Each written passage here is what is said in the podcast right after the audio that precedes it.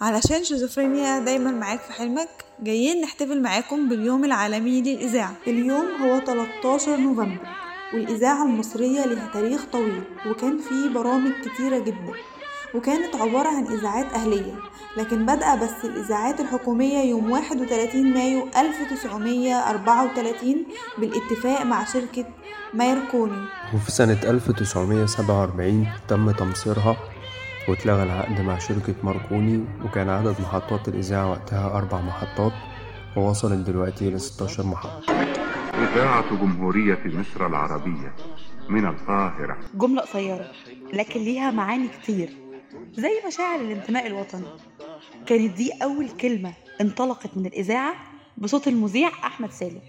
وده كان خلال فترة الافتتاح سنة 1934 وبعدين بقى يتم اعتمادها عشان تكون العبارة الرسمية عشان يبدأ الإرسال في كل الإذاعات.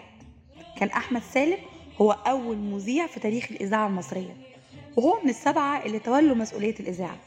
والسبعة دول كان منهم محمد سعيد لطفي باشا ومحمد فتحي وعلي خليل وأحمد كمال سرور ومدحت عاصم وعفاف الرشيد. كمان كان للإذاعة دور كبير في الفترة من 1997 لحد 1973 وكان الراديو مصدر الأخبار الوحيد. وكان أبرز مذيعين الفترة دي هو الإذاعي القدير أحمد سعيد مؤسس إذاعة صوت العرب. كمان الرائد الإذاعي صبري سلامة هو أول من أذاع بيان النصر في حرب أكتوبر وده كان سنة 1973 وأعلن فيه عبور القوات المسلحة المصرية لقناة السويس والاستيلاء على نقطة العدو القوية فيها ورفع علم مصر على الضفة الشرقية للقناة. وفي أربع أصوات نسائية خالدة في ذاكرتنا زي صفية المهندس إيناس جوهر نجوى أبو النجاة أبلة فضيل ولأن الإذاعة والتقديم الإذاعي وكمان التمثيل الإذاعي ده شغف كبير لناس كتير ولأن الشيزوفرينيا دايما الإيد اللي بتمد المساعدة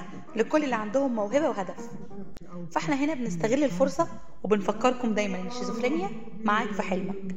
وكل سنة والإذاعة المصرية هي أساس ثقافة ووعي وصوت كل بيت مصري.